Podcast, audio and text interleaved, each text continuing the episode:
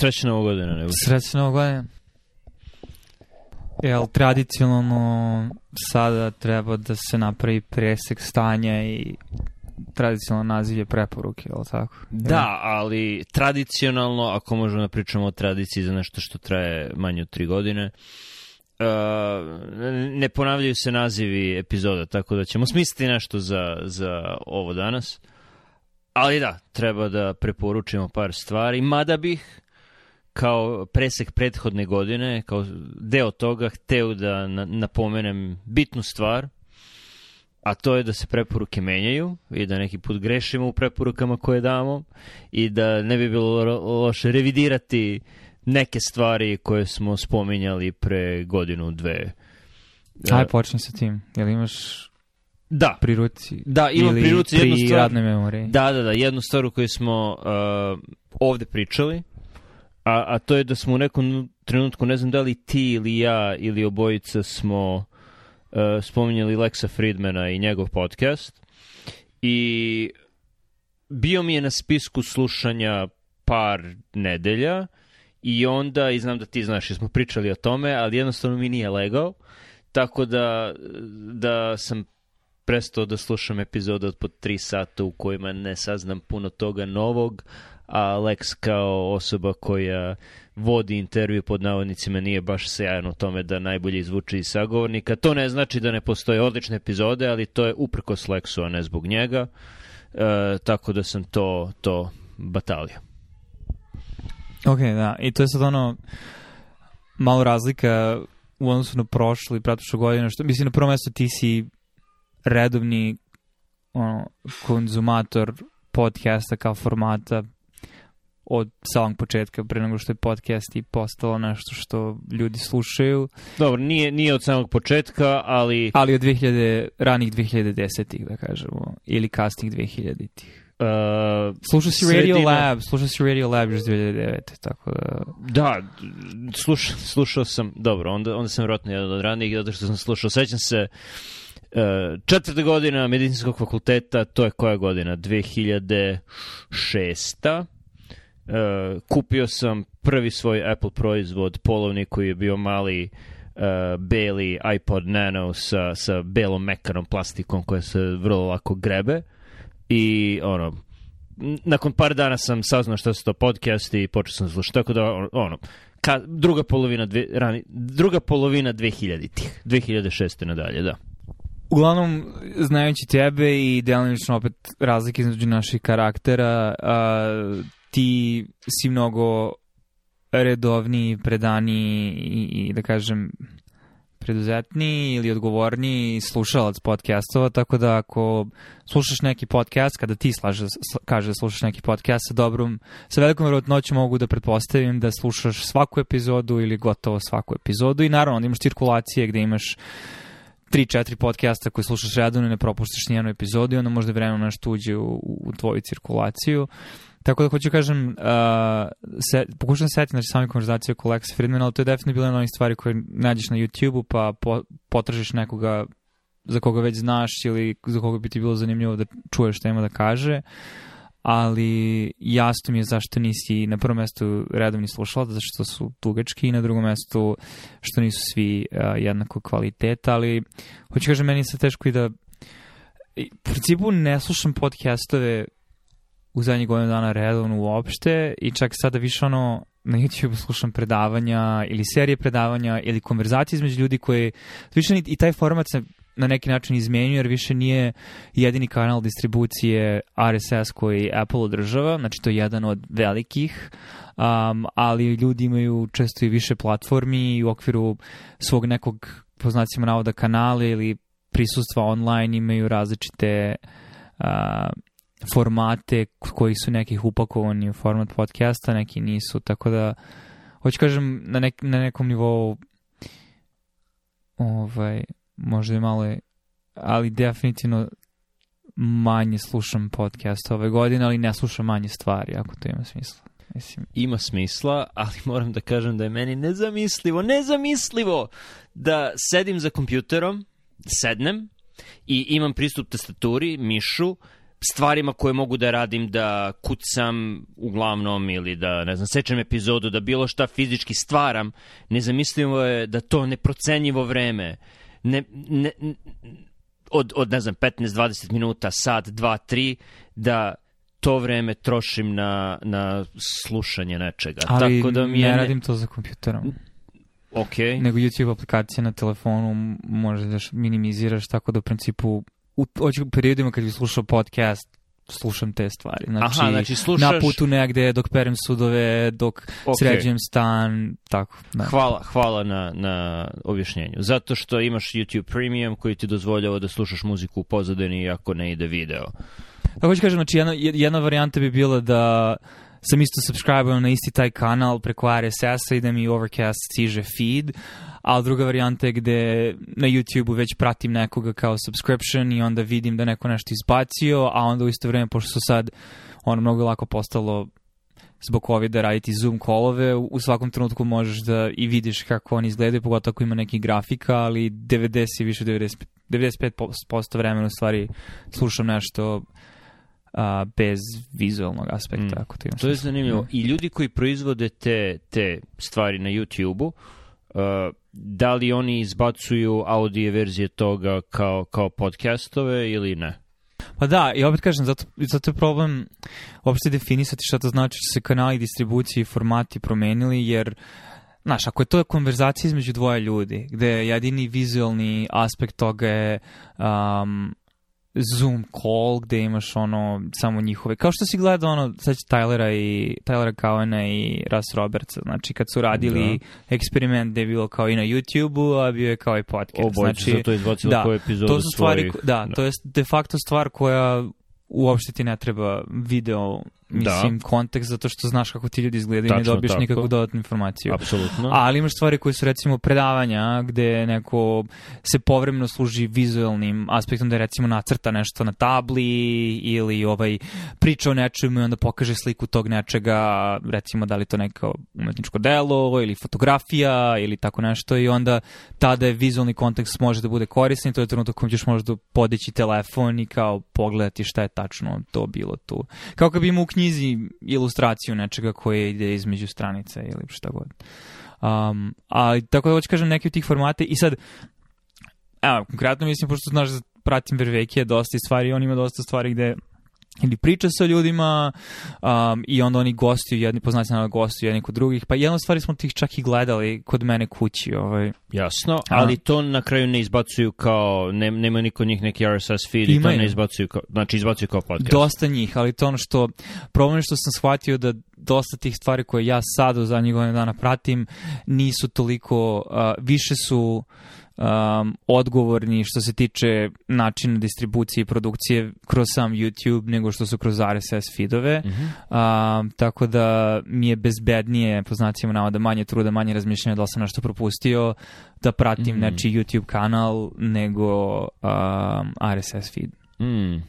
Vidiš, to je zanimljivo, jer ja bih, mislio bih da je meni veća ušteda u vremenu da, da slušam uh, nešto za što je neko posvetio bar malo vremena u sečenju i u, u tome da se osigura da, da može da se prati samo audio, dakle da ti, da, da ti nisu potrebne nikakve e, nikakvi vizualni indikatori, nikakve ilustracije ili ako jesu da ljudi znaju da će ih, da će ih E, e, publika samo slušati, tako da vodiš računa o tome kako pričaš i šta pričaš, jer znaš da je audio jedini način na koji dolaziš do, do publike, dok je YouTube malo aljkaviji način, jer imaš Zoom poziv i to snimiš i za tri klika objaviš, jer ti Zoom sam to spakuje u video file koji možeš da uploaduješ na Evo YouTube. Evo ti dobar primjer koji ti je blizak, plenary session Prasadov. Da, znači, da, da. koji je dosta tih stvari u kojima diskutuju su, recimo, članci i studije, tako da možeš u potpunosti da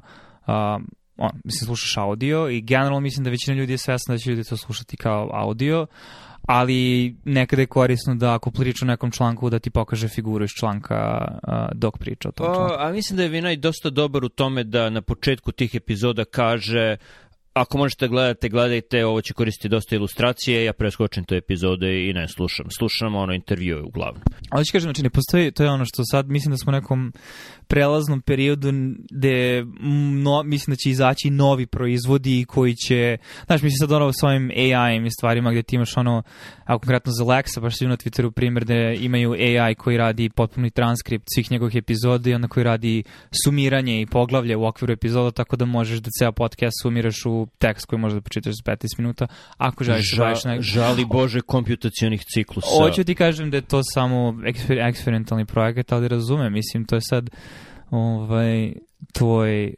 odnos prema toj specifičnoj osobi i, i njihovom sadržaju, ali dosta ljudi prati to, tako da ovaj, i ne bih u potpunosti isključio da neke od tih stvari jesu kvalitetne. Um, ali jasno mi je da količina vremena koju moraš da provediš konzumirajući to da bi došao do da. nečega. Kad dođeš u moje kada dođeš ne, u moje godine, mi, ne budeš Ne, ne, jasno mi, uopšte znači više e, više ceniš u potpunosti ceniš trud koji neko drugi posveti tome da ono što gledaš, slušaš ili čitaš što su oni napravili tebi bude lakše za gledanje, slušanje i praćenje. Jasno, jasno, ali opet ne možeš da tvrdiš da neki od ljudi za koje znam da redovno slušaš njihove podcastove ovaj, da često konverzacije tih formata nije nešto jako blisko intervju a, gde je ta osoba promoviše knjigu i neko je pročito njihovu knjigu i sad zavisno koliko se sagovornik pripremio, to je domaćin kako voditelj pripremio no. Da. ovaj uh, utiče na kvalitet epizode Absolutno. i jasno mi je jasno mi je da postoje različiti nivoi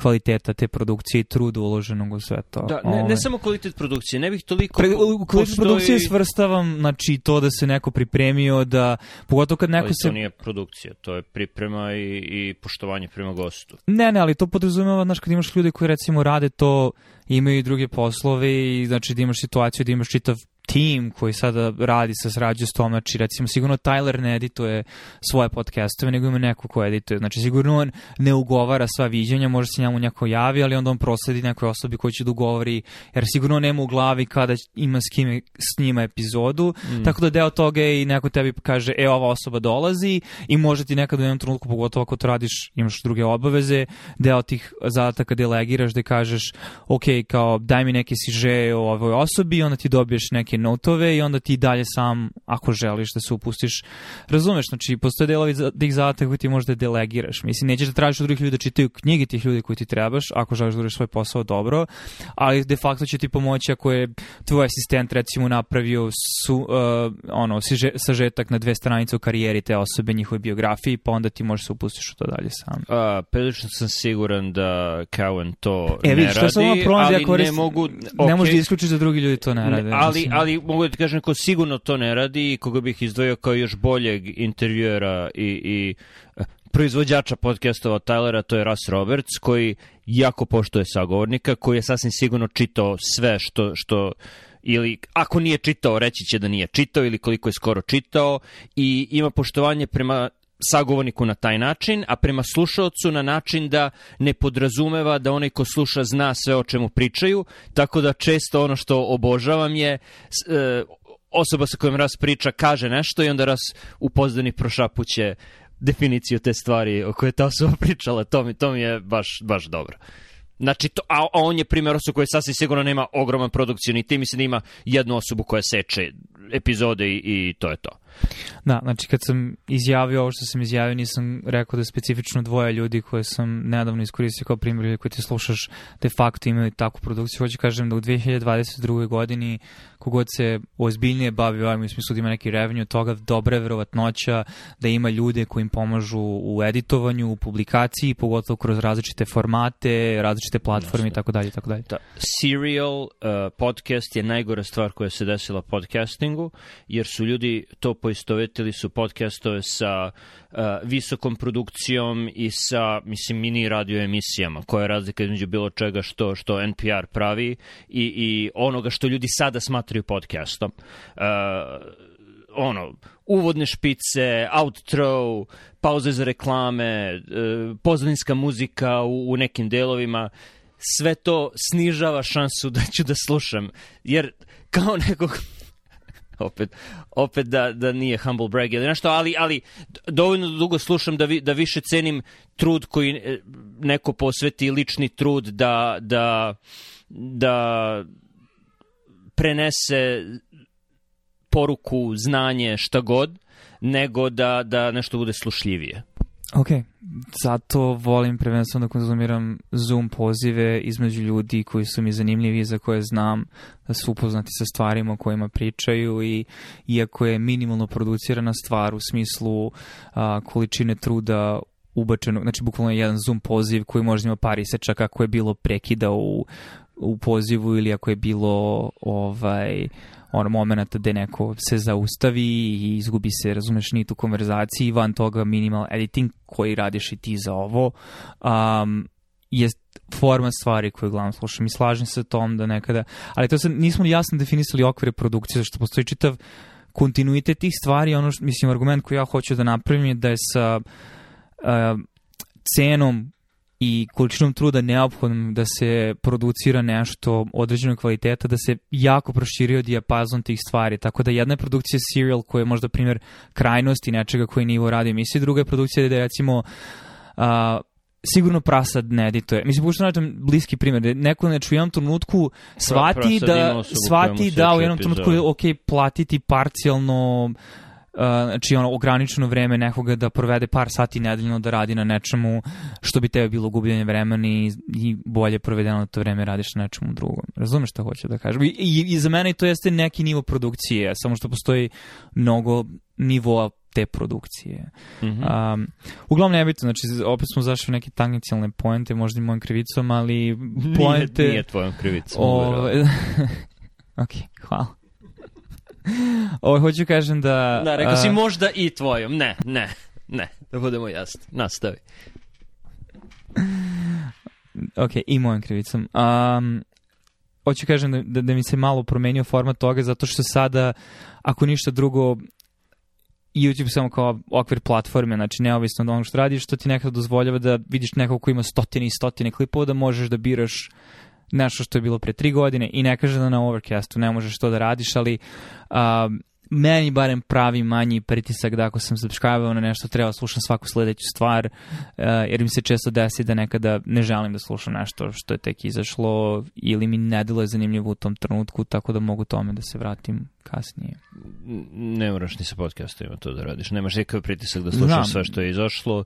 Možeš da imaš neki podcast na spisku i da ono jednom u mesec, dva baciš pogled na epizode koje su izašle i skineš samo one koje okay. te interesuju pa da mi na pamet The Incomparable kao podcast o tome gde svake nedelje različita grupa nerdova, geekova se skupi i priča o jednoj stvari i ako je ta stvar o kojoj pričaju ili uh, film, knjiga, TV emisija, šta god, ako mi je zanimljiva za slušanje, skinuću to i možda jednom u tri meseca pričam o nečemu što i mene interesuje. Uh, i, i tad slušam to. Ok, i, i kapiram to, jasno mi Hoću samo kažem da mi je prijemčivi format u ovom trenutku sada, u zadnjih godinu dana, pogotovo ljudi koje pratim često dolaze situacije da jedan mesec na nečem podcastu da je neki treći sagovornik koji ima, znaš, svi imaju podcast. Znači, bilo je skoro neki grafik na Twitteru koji je bio vezano za nešto totalno drugo, onda su ljudi samo počeli da menjaju ko je Super, naslov legendarno. 40% ljudi u Americi ima podcast u smislu, znači... Mislim, to je sjajno. Ne, ne, ali to hoću ti kažem. Trebalo tako... bi svako da ima, svako treba da ima email adresu i svako treba da ima RSS feed gde objavljuju audio poruke ljudima. Mislim da bi svi trebalo da imaju podcast. To je sjajna ideja. Ne znam da si sarkastičan ili ne.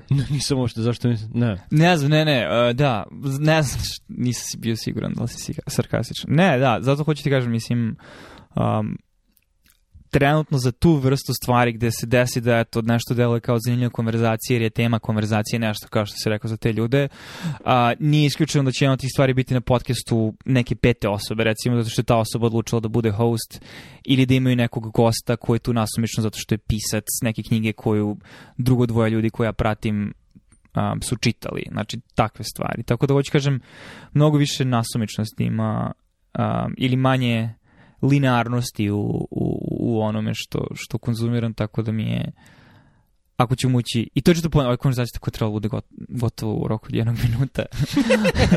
Aj, mala preambula, ali si mi dao dobar šlagvort da, za... Da, šlagvort. za, za moju prvu preporuku za ovu godinu, pošto je da, danas je 1. januar 2023. A to je Eh, da bi više ljudi trebalo da ima nalog na Microdot blogu koji koristim s, ne znam od negde sredine okte, oktobra mislim svaki dan i odlično je jer je frikcija za objavljivanje kratkih tekstova minimalna a, ali imaš dovoljno podstreka da to bude kvalitetno da da nije ono tvitanje sa WC šolje što Twitter generalno postiče i imaju uh, ima funkcionalnost baš micro podcastova. Znači, ako prikačiš audio file, to automatski postaje podcast koji je u istom RSS feedu, koji se loguje na Apple direktorijum, nisam to još uvek koristio, ali sa sada, ali ali to je to je sjajno, sjajna stvar i uh, koristi Pub, tako da automatski dobiješ i nalog koji je kompatibilan sa Mastodonom i sa drugim Fediverse servisima, što god to bilo, tako da ono ne moraš da imaš Mastodon nalog, moraš, možeš da pratiš ljude preko Microdot blog naloga koji su na Mastodonu i ljudi sa Mastodonom mogu da prate tvoj Microdot blog nalog, a da oni nemaju pojma da ti ne koristiš Mastodon. Dobro, ono što zaključujem iz ovoga što pričaš i što sam upoznat sa to je David Weiner, je li tako? Znači, koji je... Ne. Ne, ovo je, dru, ovo je, ovo je druga stvar. Druga stvar. E, okay, druga stvar. Pa, eto, ali opet u, u, u liniji svega toga je da da li uprkos ili zbog trenutnih promjena na Twitteru kao jednom od platformi distribucije mišljenja i konverzacija, mislim da ulazimo u novu eru a, menjanja modula i protokola koji stvaraju više sloboda, koji će možda dovesti do koalisiranja sistema koji imaju više smisla. Opet tiče se neke stvari koje smo i ti ja pričali, a to je da ono, što bi bilo loše da ono, da, znači taj neki microdot blog gde ti nešto pošalješ, to je kao pismo nekom tvom prijatelju, ali je to javno pismo, na taj tvoj prijatelj odgovori tebi, a drugi ljudi to mogu da konzumiraju, mogu da komentarišu to i tako da. Znači, mislim, Substack je pre par godina uh, preformatirao i navikao ljude na ideju newslettera ponovo. Mislim, između ostalih, Medium je to pokušao ranije, ali nije toliko lansirao. Aha, kaže. Uh, sad ću da prošapućem kao Ras Roberts. Uh, e, Microdot blog ima opciju da imaš kategoriju samo checkbox i možeš da, da napraviš newsletter od svojih postova automatski koji izlazi za svaki dugački post koji napišeš, možeš da biraš jednom nedeljno, jednom mesečno, ali i, i to je ono, substack u malom je. Da, tako da, mislim, sve to ja vidim, ne znam kako ti to vidiš, ali slutim da tako vidiš, znači samo kao različite tehnologije i načine da mišljenja, ono, iskazivanje mišljenja i razmene mišljenja i dijaloge izbatuješ na različite načine u zavisnosti od obsežnosti znači širine i dubine tih i da samo ti, te tehnologije otvaraju nove kanale i nove načine da ti dalje širiš mrežu misli, a da to ne bude protokol koji je striktno vezan za Twitter koji ima određeni format, nego ili za Substack koji ima određeni format, nego dozvoljava znači, određenu fleksibilnost i da ti sam kao jedan kreator na neki način opet budeš vlasnik po znacima navoda toga, tako da ne moraš, mada ne znam da li Microdot da li su oni onda platforma pa onda to spada ne, ali imaš ali okay. kažem, znači, sve, što napi, sve što napišeš je, možeš da, da koristiš svoj lični domen tako da je stvari koje pišeš su na mom ličnom domenu i u stvari se pravi od tvojih postova da se pravi statični sajt koji je kompajlovan u Hugu koji možeš da skineš imaš okay, HTML. ali znači nije platforma koja ima svoj website i svoje servere nego ti možeš na svom serveru ti samo se služiš njihovim alatom koji ti svim tim modulima dozvoljava da komunicira sa drugim stvarima ili da distribuira stvari servere ljudima? Ili moraš ne, da tvoj budeš... je, možeš da koristiš svoj domen, možeš i njihov, njihov je server. Ali Aha. možeš da prebaciš na svoj server ako želiš. Okay. Ali ono što je meni još bitnije je što su napravili uh, malo drugačije odluke od Mastodona po pitanju interakcija. Ne postoji like. Ako ti se sviđa neki tekst, jedini način da to iskažeš je da napišeš poruku. Uh, E, ne postoji retweet ili quote tweet, ni jedno ni drugo. Ako želiš nekome da skreneš pažnju na nešto što je neko drugi pisao, moraš ti sam da napišeš nešto i da pošalješ link ka tome. I postoji funkcionalnost da ako imaš ti svoj članak i neko napiše komentar, to može automatski da se ubacuje ispod kao komentar na blogu, znači to je istovremeno i platforma za komentarisanje, ali to je tvoja odluka da li hoćeš da uključiš to ili ne, znači ne, ne moraš. I i e, zbog te dve stvari smanjuje se potencijal za e, stvaranje kompleksnog sistema sa neželjenim posledicama o čemu smo dosta pričali po pitanju Twittera. Da, i mislim i sad i sve to ono da li je to razvedeno od opet svi ti protokoli su cool i novi protokoli su cool dokle god to ne potpada pod um, kišobran ili kako god, okrilje platforme koju u jednom trenutku onda mora da počne da pravi pare ili koju neko u nekom trenutku može da kupi, koju onda može da sve te postice koji trenutno deluju kao dobri mm. Da. postice za diseminaciju stvari i konverzacije bolje kvaliteta, a manje zapaljivo karaktera, mogu onda promeniti samo kroz dizajn, razumeš, polugica u tom sistemu po Razumeš šta hoću da kažem? Razumem šta hoću da kažem, sa ovime možda trebalo da počnem. Besplatni nalog na Microdot blogu ti dozvoljava samo da odgovaraš ljudima na ono što su oni pisali. Ako hoćeš da imaš svoj nalog sa svojim domenom i da ti pišeš originalne tekstove tu, cene 5 dolara mesečno i to je cena koja, sa kojom mogu da rade bez problema ono, do, do još, još puno, puno godina. Tako da su sa te strane uh, Uh, i, i, stalno pričam u množini. U pitanju je jedna osoba, Manton Reese, je, je programer koji je sve to napravio. Ima sad par, još par ljudi koji mu pomažu u tome i on je uh, skoro je završio knjigu koju je pisao 10 godina, zove se Indie Web i jako insistira na tome da bude, da bude financijski nezavisno i da, da ne zavise od toga da ih neko otkupi niti od, od prodaje, prodaje pažnje svojih korisnika. Ok, znači micro.blog blog je preporuka, još neka preporuka? To je moja prva, ajde sad ti prvu, pa ćemo na da izmenično, Aha, kao i, kao i prošle kao godine. Prošle, a nemamo kategorije ili imamo kategorije? Nemamo kategorije. Nemamo da- kategorije. Sad, slobodni stil. Aha. Ok, ovo je prva stvar koja mi pada na pamet, jer e, nisam, i mislim da nije loše kada konverzacija ima malo spontani karakter, pogotovo što su ovo stvari o kojima manje više pričamo toliko čitave godine, tako da nije kao da sad postoje ne znam koliko novih informacija, ali Um, stvar koja ispliva opet vezana je za stvari o kojima smo diskutovali, stvari koje su meni obeležili ovu godinu, jeste YouTube kanal um, dobro, Verveki je ono, i dalje preporuka i mislim da projekat koji on radi poprima neke veće obime i izaći će knjiga sledeće godine, to je ove godine sada, um, ali zanimljivo mi je kako je to privuklo ljude sličnih shvatanja i sličnih projekata iz relativno bliskih domena, kognitivnih nauka, filozofije i tako dalje.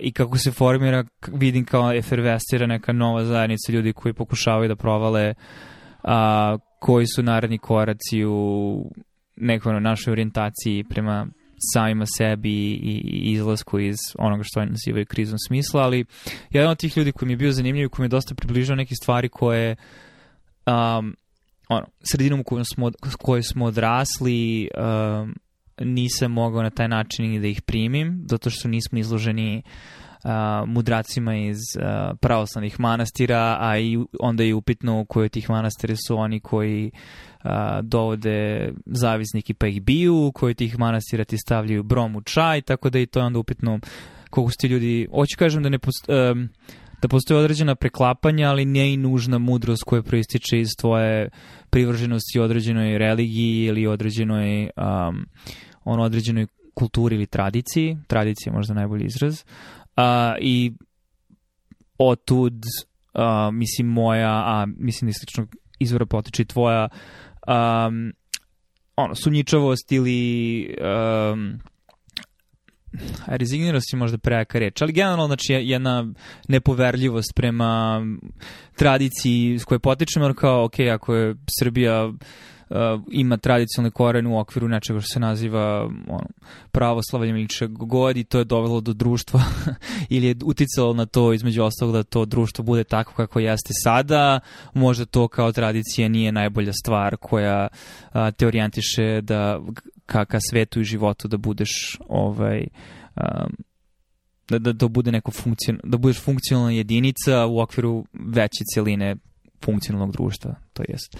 A, zašto lika preambula, ali a, kanal na YouTube je Matthew Peugeot, um, Symbolic World, a, koji je nasumično, znači, kanadjanin, francuski kanadjanin, koji je um, u stvari uh, e, šta kad ne mogu da nađem na um, adekvatan prevod na srpski, ali znači mislim on pravi ikone, znači sigurno ima izraz um, ikonopisac. Ikonopisac mi je palo na pamet, ali to je ispravno to postoji, ne znam. Da, da, mislim, ali on reže ikone, mislim Duborez radi, znači, ikonorezac. znači ikonorezac, ne znam, mislim kapiram da postoji sam, ja nisam upoznat uglavnom, ali specifično on je u tradiciji, znači pravoslavlja, znači istočnog, ono, Eastern Orthodoxy u okviru hrišćanstva, ali ono što je zanimljivo što on u svom uh, na svom kanalu, znači ne, ne, ne delo mi kao da je neko ko se previše bavi ono propovedi ili ili um, ono apostolskim poslom u smislu širenja religije, nego analizira aspekte uh, hrišćanstva i hrišćanske etike koji na neki način su deo naših društvenih vrednosti. Ono što sam u stvari skapirao, znači čitava zapadna civilizacija i generalno, mislim, ono što mi smatramo, znači nastavkom, su u stvari u velikoj meri utemeljene, znači, znači ono, nema liberalizma bez hrišćanstva i onda shvataš da sve te neke stvari imaju neke korene i da sve to, te neke stvari imali nekog smisla ranije i da se značenje tih reči kroz vreme promenilo i dotakli smo se mnogih tih stvari. Uglavnom, mislim, moja preporuka da što je meni na jednostavnim jezikom približio neke ideje zašto je ova priča ovakva i zašto čega, šta to simboliše u stvarnom svetu i, znaš, mislim, ideja nekih tih koncepata, ali ideja obrazaca koji predstavljaju obrazce stvarnosti i kako su mi kao ljudi a, te obrazce počeli da razumemo i kako smo ih onda ugradili u priče koje su postale deo različitih um, tradicija i, i religija i zašto sad aspekt tog ono, da, da ne koristim previše vervekijanske izraze, ali ono participatornog znanja, u smislu tvog učestvovanja u nekom od tih ove, e, eh, rituala ti dozvoljava da preorijentišeš svoju pažnju i način na koji se odnosiš prema stvarima koji onda utiče da imaš optimalniji odnos prema stvarnosti. Um, znači, neki način utemeljivač. Mislim, pričali smo o ritualu jednoj od prethodnih epizoda. Uglavnom, jako mi je teško da sažmem sve u jednoj rečenici, ali za ljude koje Mislim, ja prvo na prvom mjestu sam ono, ateista, u smislu, to, to, to je moja ono, dezignacija, i, ali mislim da postoji aspekt stvarnosti koji a, smo izgubili sekularnošću, um, a koji je bio bitan deo religijskog života i da je sada projekti svih tih ljudi su stvari kako da integrišemo sve to u naš naučni pogled na svet, materialistički pogled na svet, jer uh, de facto, ako ništa drugo, način na koji mi percipiramo stvari i način na koji mi interagujemo sa stvarnošću je sve samo nematerialistički. I mislim, to je bio i delimično i, eto, možda bude druga preporuka, samo da je uguramo ovde, pa možeš ti dve za redom. Tilikova Courage to be, to je hrabrost bivstvovanje. Uh, mislim, objašnjamo da smo mi duboko simbolična bića i volim da čitamo još Tilika i, i, i analize njega i još nekih drugih ljudi. Uh, Ali mislim da je to ono što je meni izmicalo, znači da, da, da kogod mi uh, se orijentisali prema svetu na materialistički način i naučni metodi, ti ja smo vrlo u tome, mislim to je naša stvarnost, u smislu profesionalna stvarnost, uh, i dalje živimo kroz metafore, živimo kroz simbole i nekada i ne, nismo ni svesni da se služimo ili... Um, izigravamo, da kažem, to je ono, učestvujemo u, u, u, nekoj ulozi koju izigravamo, a, a nismo ni svesni da je ona deo nekog obrazca koji prećutno svi mi uh, prihvatamo kao takav, ali ga ne, ne analiziram ga na čisto propozicionalnom, znači verbalnom nivou, nego on postoji u, opet način na koji osjećaš stvari oko sebe, kako se odnosiš prema nečemu. Um, ali da ne topim, preporuka je Matthew Piaggio ima dosta i zanimljivih konverzacija i, i predavanja i, i singularnih objašnjenja, neki od tih su bukvalno istrši 15 minuta da objašnjava neke aspekte koje su zanimljivi često ovako poslušati. E, preporuka je za njegov YouTube kanal, da budemo precizniji. Da, da, prevaskodno, da. Ok, cool. A druga preporuka je Tilik i Courage to Be ili, znači to jeste, imamo celu epizodu o tome, tako da pretpostavljam da ljudi znaju već da preporučuješ to, ali ok, ok, odlično. Uh, ja sam počeo sa stvarima koje se plaćaju, pa ću da nastavim sa još jednom stvari koja se plaća i koja je za razliku od svega što smo do sad prišli, dobro, microdot blog možeš i na srpskom da pišeš, ništa te, niš, ništa te ne sprečava, ali, ali na srpskom je, a to je jedna stvar na srpskom koju vredi plaćati, iako ljudi do sada nisu plaćali treba da počnu, a to je Substack tržišno rešenje Tasićev koji je ima odlične tekstove koji su bolji i od uh, većine tekstova na engleskom na, na istu temu o kojoj je nešto čemu on piše. Ja nešto bi zanimljivo što eh, znaš kad razmišljaš ono i ono, Srbije male i srpsko tržište je malo i, i sam taj blog, ali ono što, mislim, hoću kažem, što meni daje na značajnosti čitavog projekta um, Tasićevog je to što prevodi stvari koje, osim ako ne živiš ovde i ne konzumiraš stvari primjerno na engleskom jeziku, tokove stvarnosti, pogotovo domenu ekonomije, financija, pa čak i nekih ono modernih kulturoloških momenta poput vokizma i tih stvari, pošto je bilo, bilo je substackove na tu temu, a, uh, jako je dobar prevodilac. Znači, ok, sad oni kao da pokušavam da...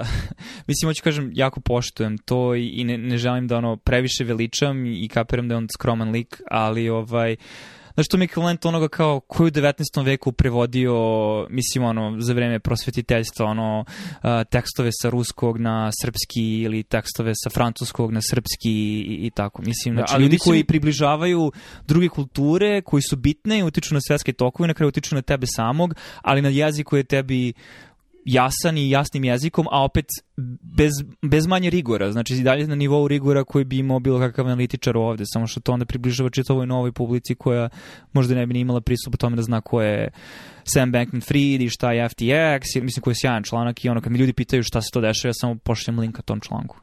E, da, ne bih samo rekao da, da je on prevodilac. On, ne mislim prevodilac on stavlja, samo, stavlja dešavanja u kontekst, stavlja događaje pre svega on, u, u Americi i zapadnoj Evropi, ali i u svetu, u, u kontekst koji je takav da može i neko iz Srbije, ne znam, moj otac ako čita, koji ono, ne zna engleski, nije, baš, ne, nije mu baš jasna ono, politička situacija u Americi i kako funkcioniše i, i iako je diplomirani ekonomista, kao što ti znaš, nisu mu baš, nisu, nije baš ja ni sa financijskim sistemima modernim, ali kad pročita taj tekst, ono, razume. Ta, ta, mislim da je to to vredno. I, I ne samo što stavlja u kontekst e, za nekoga ko, ko zna srpski i ko živi u Srbiji, nego što stavlja kada bi uradio obrnut prevod sa srpskog na engleski, mislim da bi i ljudima sa engleskog govornog područja značilo da pročitaju njegovu interpretaciju kriptovaluta, SBF-a, Ukrajine, čega god. Da, da, zato što je opet i to ono što ljudi ovde egzistiraju, mislim svi mi egzistiramo u mehurima i onda kad imaš nekoga vrednost ono druge perspektive i, i, i drugačijih koordinata, tako da kažem, i početnih koordinata koje ti onda dozvoljavaju. Mislim, to je ono od prednosti, ne znam sad kao komentar, ono kada dođeš kao emigrant u neku zemlju, što pored kulture u kojoj se integrišeš i vrednosti koje usvajaš, imaš drugačiji automatski stav, bez toga da se ti sad trudiš da budeš nešto pretvoreno analitičan i kritičan, koji samo proističe iz toga što ti imaš neke druge koordinate, onda kada po znacima navoda ažuriraš svoj unutrašnji operativni sistem, počneš da preispituješ neke svoje kulturološke tendencije i onda imaš ili pozitivan ili negativan kritički sud. U svakom slučaju daje ti neku dublju, dublju perspektivu koja ono, per, ako ništa drugo, perspektiva je uvek vrijedna, zato što ti daje nov način da razmišljaš o problema a, koji ako zastariš u razmišljanju o njima, može da se zaglaviš u, mislim, problemu iz koga onda ne vidiš izlaz. I, i toliko preporučujem tržišno rješenje Substack, da ću, sada je već, i zbog ovoga su podcastovi sjajni, uh, prošlo više od pola sata kako pričamo. Ako je neko došao do ovde i dalje sluša i u stanju je da mi pošalje mail, da nađe moj mail koji je slobodno dostupan na internetu, Uh, lični ili profesionalni, svejedno, i, i kaže da bi živi u Srbiji i ne može da priušti, pošto nije jeftino, uh, tržno rešenje pretplatu. Prv, prvih pet osoba koje mi se jave i kažu hteo bih pretplatu na tržišno rešenje, uh, evo, moj, moj novogodišnji poklon je da, da ću platiti pretplatu. Mislim da na kraju ću dati nula, ali ako dam pet, to će biti super. Tako da neka, neka mi pošalju ljudi mail. Wow, u novoj godini odluka da postane š, postanemo i, i YouTube kanal. Ovo, ovaj. zašto, zašto ne, YouTube ne, ne, kanal? Ovo je, ovo je ono kao ono gift, znaš, subscriber gift. Ono, ovo, ovaj. ne, ne, super. U, sad ću da povučem ponudu ako će to da me približi. Neće, uh, neće, ne, šalim se, ne, ovo je, ovo je jako lep guest sa tvoje strane. I, i, i guest vrijedan. Ovaj. Ok, i rekli smo ti dobiješ sada dve preporuke za redom, tako da koja je druga preporuka? Misliš treća? Mislim, u ovom novom segmentu, zato što sam ja izlistao dve stvari za redom, tako da bi ti trebalo pre nego što ja, ako radimo neizmenično. Ok, uh, ovo će biti antipreporuka, a, a to je preporuka, mislim da smo se do toga dotakli i, i prošle godine, ali ne sjećam se, uh, da ljudi manje, manje uh, vode, da ljudi manje potroše vremena čitajući preporuke uh, drugih ljudi o tome kako treba da e, imaju sistem za praćenje ono zadataka, praćenje znanja, zapisivanje, hvatanje beleški, mislim pre svega na, na knjige tipa Building a Second Brain ili ono serije članaka o Zettelkastenu i, i onim youtuberima, podcasterima, influencerima, zovih kako hoćeš, koji svoj lični brand zasnive na tome da, ti, da će ti oni dati jedan garantovan način kako možeš da sistematizuješ znanje i da središ svoj život i da postaneš hiperproduktivan i postao sam super skeptičan na sve te šeme jer je glavni proizvod ljudi koji prodaju te šeme sama ta šema ti ljudi da imaju neki, neki stvarni sistem koji nešto znači, oni bi uglavnom bili produktivni u drugom smislu. Uh, Tako da tu ne bih svrstao, na primjer, Kela Newporta, pošto je čovjek matematičar koji objavljuje radove i to mu je i dalje glavni posao i onda sa strane objavi neku knjigu i to cenim. Uh, osoba koja povremeno priča o tome i koju bih uzeo kao pravi primer osobe koji treba ono obratiti pažnju što radi je Ryan Holiday koji ima seriju knjiga o stoicizmu, ali ono što je još bitnije ima odlične knjige koje su malo istorijske, on je pisao o, o šemi Petera Tila da, da e, bankrotira Gawker tužbom Hulka Hogana ne znam, neko ko ovo sluša možda ne zna ništa od ovih reči koje sam sad rekao ali zanimljiva je priča, neko može da otkuca Peter Thiel Gawker I, I on ima celu knjigu, zove se Conspiracy. Gawker koji se speluje G-A duplo vek era. Da, koji je bio neki blog, sajt o, o celebrity vestima, kako god, ali priča, knjiga se zove Zavera i odličan je istorijski dokument jednog trenutka u vremenu ono kasnih 2000-ih, ranih 2010-ih i, i tome kako u poluge moći i, i šta čovjek koji ima motiva i para može, može sve da uradi. Uh, ali Ryan Holiday je pisao o tom sistemu kartica koje ima i kako koristi i kako skuplja citate i kako piše knjige i on je napisao knjigu o tome, možda u nekom trenutku i hoće, nadam se da ne, I, a, ali, ali može, može čovjek da se upozna sa, sa onim što on radi i nešto toga može da pomogne. Ili, na primjer, knjiga o pisanju Stephena Kinga ili kako napisati tezu Umberta Eka, ljudi koji se bave drugim stvarima, ali su usput napisali nešto o, o, o sobstvenim sistemima rada. Ali ako je glavni nečiji proizvod to, taj sistem bio bih skeptičan. Ok, um, aj samo dan komentar na ovo. Um, možda se ne bi složio sa tobom da si sada postao um, mislim ono re, e, otporniji ili da kažem ono um, sumnjivi uh, znači ne mogu naći adekvatnu reč koju ono, kopira jedan na jedan, ali da si sada postao skeptičniji, da tako kažem, po tom pitanju, jer barem moj model tebe i tvoje kognicije da si već dugo vremena takav, ali može ti je sada postalo vrlo jasno čitajući Tiago Forte o Building a Second Brain i onda si našao način da to lepo definišeš sebi u glavi kao tekstualni on, paragraf teksta i da imaš jasne primere svega toga, ali mi delo da je intuitivno tvoj, tvoj neki model razmišljanja. Mislim da što je neko imao prepoznano da što je to moj model razmišljanja koji sam ja opet na neki način nedavno uh, eksplicitno ono, uh, e, definisao gde sam shvatio da ne mogu da poštujem nekoga ko pokušava da, opet vrlo slično tome što ti pričaš, samo ko, bila konverzacija sa drugom osobom u nekom drugom trenutku, u drugom kontekstu, ali e, ne mogu da pošto, ne, ne može neko da bude guru po znacima navode ili da bude neko ko će naučiti nešto ako ta osoba iza sebe nema nešto što je dokaz toga. Tako da, uh, znaš, ne, mu, ne može da mi privuče nečije pričanje o filozofiji i, i etici i mudrosti ako ta sama osoba ne odiše etičnim načinom života i ako ta sama osoba ne, ne, ne živi njihovu filozofiju, da tako kažem. Iz, između oslo zato poštujem Vervekija, zato što se vidi da čovek, kad priča s drugim ljudima, ti vidiš kako on stvarno se trudi da emulira, ne trudi, mislim, jednostavno to je deo njegovog biće u smislu, znači to su navike i, i stvari i karakteristike koje ono vežbao i usvojio i ima i dalje na tom putu.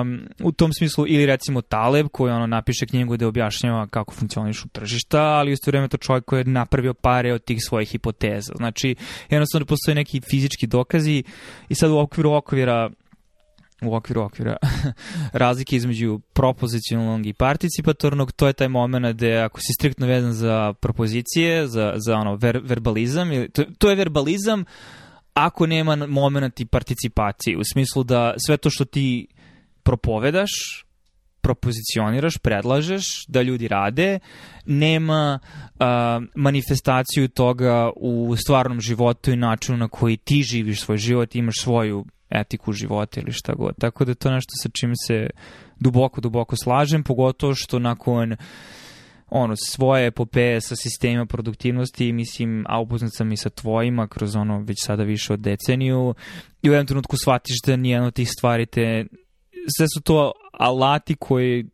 na ovaj ili onaj način mogu da ti lakše, ali ako provediš svoje vreme u ono tinkerovanju, što je još Merlin Mann na 43 folders definisao, to samo ispunjava rupu tvoje anksioznosti da želiš da nešto radiš konstantno novo, ali to ti je samo zid koji stavljaš između sebe i zadataka koji se stvarno upuštaš, jer ono, mislim, to je na Twitteru mim, koji Notes app koriste CEO-ovi? Oni koriste Notes app na iPhone. Znači, ne koriste backlinking, Obsidian, Roam Research, integrisan sa Settle Custom sistemom i Zotero i šta ti ja znam. Ljudi koji su produktivni su produktivni zato što se upuštaju direktno u sistem i nemaju, ne, ne beže od toga da uprljaju ruke i da nekad i krenu na pogrešan način da pristupaju stvarima, ali onda da nađu ono što je njima, njihovoj kognici, njihove ličnosti najprijemčivije da dovedu do nekog konačnog proizvoda koji na kraju predstavlja što si ti stvorio u svetu, da li to bila knjiga, da li to bila bio neki, neka stvar, um, ali da svi ovi ostali sistemi, barem odnos koji ja razvijam sa njima sada, je da su oni neki način samo kao ono, uh, znaš, saharinsko rešenje, u smislu daju ti osjećaj produktivnosti i neke kontrole, ali uh, na kraju ako sve to provedeš u tome da si jako efikasan u čišćenju svog inboxa u mailu, a da mislim ne pomeraš zadatke u svom životu ili karijeri ili stvarima koje vrednuješ, onda to samo znači da je to surogat za stvarnu produktivnost. Jer na kraju dana stvarna prava produktivnost i jeste nešto što je često bolno i naporno i dosadno i, i mislim ono nečega čega ti je muka, ali opet natraš sebe i u stvari najveći productivity hack je kako da natraš sebe da radiš nešto što ne želiš da radiš, a znaš da treba da radiš jer je to nešto što si obećao sebi ili drugim u nekom trenutku da je to osob, da si ti ta osoba koja ima te vrednosti koja želi da to izgura do kraja, da li to bio projekat, obe, obećanje ili šta već. Tako da da, mislim da je to jako dobar i to je sad ono moment da je to nešto što mislim ono, obojca smo kapirali na nekom nivou um, već neko vreme, da kažem, eto, na racionalnom i propozicionalnom i verbalnom nivou, uh, nešto što mislim da si mnogo većoj meri i ranije opet kroz iskustva počeo da kapiraš na tom od, od, nivou odnosa i znači opet participacije ili iskazivanja, a nešto što je meni jako počelo da se kristališe, znači kraj moje subspecializacije i sada početku moje no, no, no, no, nove etape u mojoj karijeri je to da a, znaš, kad ti nešto se spusti na nivo ono, bazalnih ganglija po znacima navoda, da jednostavno kapiraš nešto, a da ne mora uopšte da ima reči, nego znaš, znaš šta je pogrešan potez u svemu tome i ne moraš sebi da napišeš šta je pogrešan potez. Delimično, da, bar u mom slučaju, zašto si napravio te pogrešne poteze i naučio bolnim iskustvom šta znači ti pogrešni potezi, kako se oni manifestuju u stvarnosti. Ok, tvoje treće? Da, ja znam, sad kad si... Dovoljno si, dovoljno si prokrastinirao, vidim da... da ne, da, ne, ne, da- skapirao sam. Ne, ne, stvarno sam želeo da odgovorim na ovo što si imao, da što je nešto što jako duboko re rezonira a, o nečemu čemu razmišljam. A, treće, U stvari da, eto imam preporuku za nešto o čemu smo skoro pričali, a opet što se tiče nečega s čime sam bio površnije upoznat ili ideje s kojima mislim da sam bio upoznat zato što sam čitao gomile, čitao isečke, čitao delove knjige, čitao um, blogove o tome, čitao Twitter threadove o tome, ali na kraju pročito knjigu od početka do kraja sa namerom da razumem. Um, opet se što si stariji i imaš neki životni iskustva, onda samim je ta knjiga bogatija zato što ti onda se lepi za stvari koje ti možeš da direktno primenjuješ na svoj život, a onda opet to dalje prošireno tim što smo imali diskusiju svemu tome, a opet ti koji si upoznat za tom, ali hoću kažem, znači, Full by Randomness i Taleb generalno i, i nadam se da ćemo do kraja ove godine ček može do kraja polovine ove godine nadam se da završimo čitavim čertu i, i onako ozbiljnu studiju, znači to je stvarno stvar uh, koja nije sad samo nešto treba pročitati, nego je stvar koja opet daje ti korisne okvire za tvoj odnos prema stvarnosti uh, i na koje načine uh, treba da, mislim, ono, vežbaš svoj odnos prema stvarnosti koji često je kontraintuitivan, a opet uh, vrlo produktivan po tvoj čitavo ono mentalno blagostanje, finansijsko blagostanje i mislim čak i fizičko blagostanje. Mislim, svi ti koncepti. Dobro, mislim da je malo ambiciozno uh, razmišljati da ćemo pročitati uh, opet ja, ti prvi put uh, ostalih ono, koliko, četiri knjiga. Ne znam, ove godine sam definitivno pročitao više knjiga nego u zadnjih par godina. Delimično zato što sam napravio odluku da to uradim, delimično što sam shvatio, ok, znači moraš da imaš naviku koja se onda uspostavila, uh, a, delamično što mi se tom navikom brzina čitanja povećala nivoje koje sam imao pre završetka studija, s obzirom da su mi studiju propasile brzinu, brzinu čitanja, tako da sada opet, moj odnos prema knjigama određene dužine se dramatično promenio u prethodnih godinu dana i to više ne deluju kao nenormalni projekti na koje treba se potroše meseci, nego ono, dan ili nedelje. E, moja četvrta preporuka ima malo veze sa tim, a to je navika koju svima preporučujem, a to je da ustanu pola sata ili sat ranije od bilo koga drugog u kući ili ako žive sami pola sata ili sat ranije nego što su uh, pre ustajali to, to generalno ljudi misle, a ja nisam jutarnja osoba, ja ne mogu. Dovoljno je 3-4 dana uzastopno to uraditi i onda dobiješ sat neverovatno produktivnog vremena kada ti je uh, mozak najsvežiji, kada možeš da se upustiš u čitanje knjiga od 600, 700, 800 strana i u razumevanje takvih knjiga.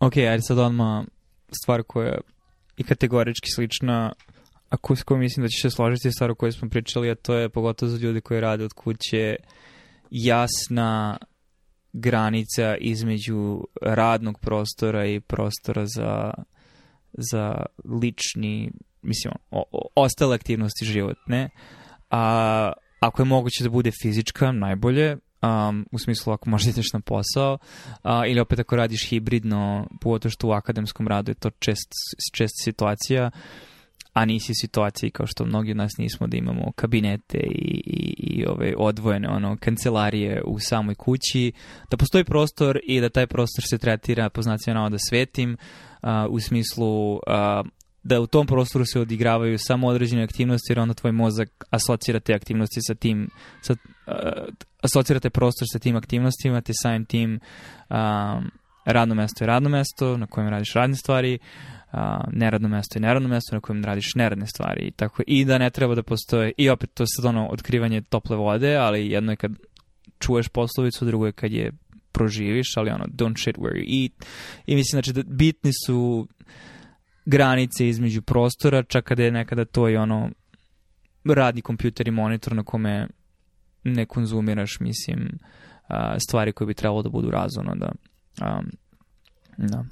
Nismo pričali uopšte o, o, o knjigama, filmovima, serijama, igrama. imamo mesta samo za još jednu preporuku, tako da moram dobro da razmislim da to bude dovoljno primenljivo i za ljude u Srbiji, pošto i sada ću malo da varam. Šesta preporuka bi mi bila e, verovatno najbolja sprava koju sam uzao ove godine, ja nisam puno kupovao sprava ove godine, a to je Steam Deck, koji je... s jedne strane svemirska tehnologija da se mi to pokazao pre 15-20 godina, kao pa i pre 10 godina, wow. Uh, to je ono mali PC koji je dimenzija malo većeg Nintendo Switcha koji je Steam izbacio i koji uh, ra, uh, operativni sistem je Linux, neka Steam verzija, odnosno Valve verzija Linuxa i koji i koji, koji dolazi sa već ono, instaliranim Steamom i pristupom svim igrama koje sam uh, sad opet on pokazuje koliko sam star, ono, prvu Steam igru sad sam video kupio sam ono 2005. ili 6. godine kada je, kada je uh, Steam izašao i to je bio igra zbog koje je izašao Steam Half-Life 2, ono, kad god je izašao Half-Life 2 tad sam ga uzeo, to je bio onaj Orange Pack i, i Portal i od tada kad je svako decembarsko sniženje, sada traje jedno kada možeš da kupiš odlične igre za par dolara, polako sam gomilao igre koje nikada nisam stigao da igram. Neki od njih jesam, da, da, da budemo jasni, ali, ali sada sam na tvoju preporuku kupio i nisam požalio, jer je energija aktivacije minimalna kada imaš ono 10-15 minuta vremena koje ono kasno uveče, neću da uključujem TV, neću da uznimiravam nikoga oko sebe, mogu da uključim malo i da igram i da ostavim.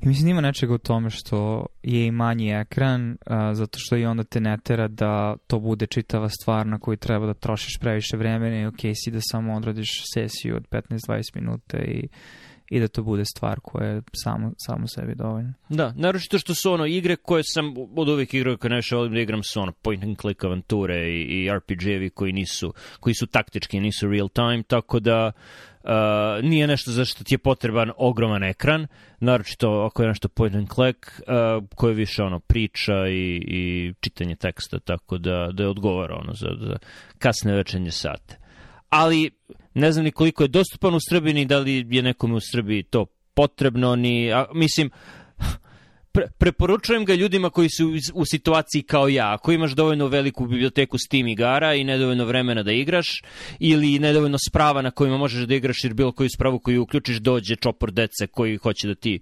uzme i, da se bave onom što se ti baviš. Uh, Steam Deck je ono dovoljno veliki i odbojan i ne toliko privlačan za dečije ruke da ih ono uopšte ne interesuje. To je očigledno je stvar za odrasle.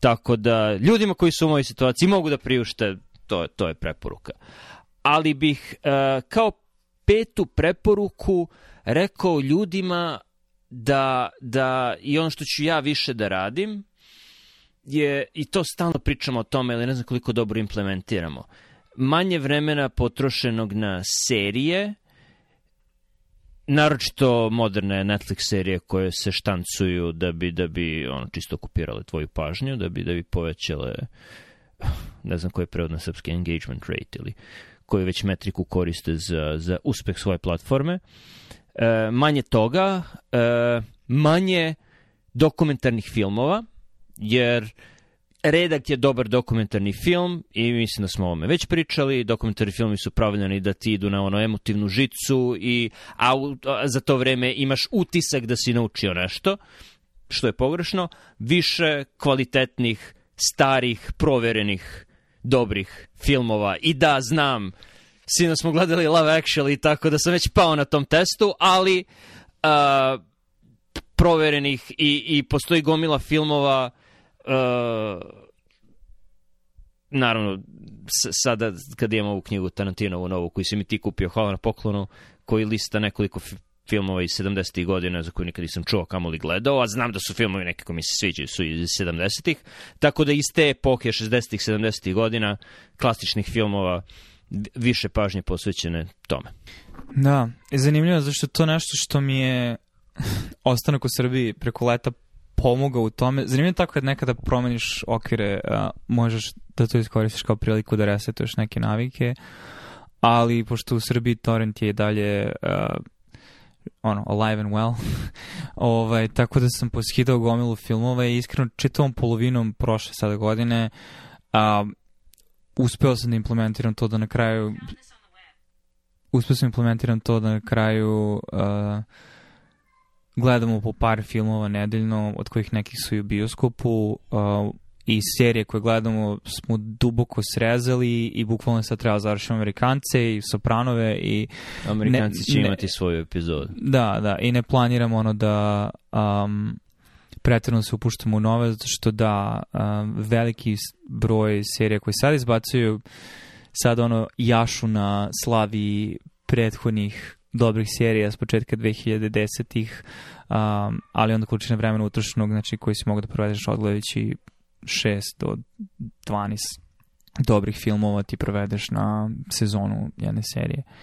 Um, tako da da, definitivno ću samo da ponovim tvoju preporuku, zato što ne želim da listam bilo koji od filmova, jer ni jedan od njih mi nije pretirano sa kao ono salient. Možda treći čovjek, eto to mi je bilo nešto što nisam očekivao da će mi se toliko svideti, film koji je ono snimljen 40 sedme, znači neposredno nakon kraja drugog svjetskog rata u Beču koji a, je ono, grad koji se raspada posle rata ima nečega u tome opet liminalni prostor, znači potencijala za haos, potencijala za izgradnju smrt starog sistema, rađenje novog sistema i kakvi ljudi egzistiraju u tom sistemu i kakva dobra noir krimi priča može se napravi sa kadrovima, scenarijom uh, koji ono toliko godina kasnije zaista odiš u nekom svežinom i, i nečim Znaš, kad osjećaš da je nešto mesto na kome bi ti želao da budeš, znači čitav taj grad i, i ljudi i, i saloni u kojima oni živi tako. Tako da, eto, to je moja poslednja konkretna preporuka. Spomenuo se jednu stvar koju ću pretvoriti u, u tvoju poslednju preporuku, koja bi trebala da bude tvoja poslednja preporuka. Spomenuo si bioskope I ovo, i, i ovo važi i za ne znam, ljude koji su u Washingtonu, Marylandu i kraju, a i za ljude koji su u Beogradu. U Beogradu postoji kinoteka, ovde postoji American Film Institute, AFI, u Silver Springu, e, koji su oba dobri bioskopi koji povremeno puštaju, često puštaju klasične filmove koje treba pogledati.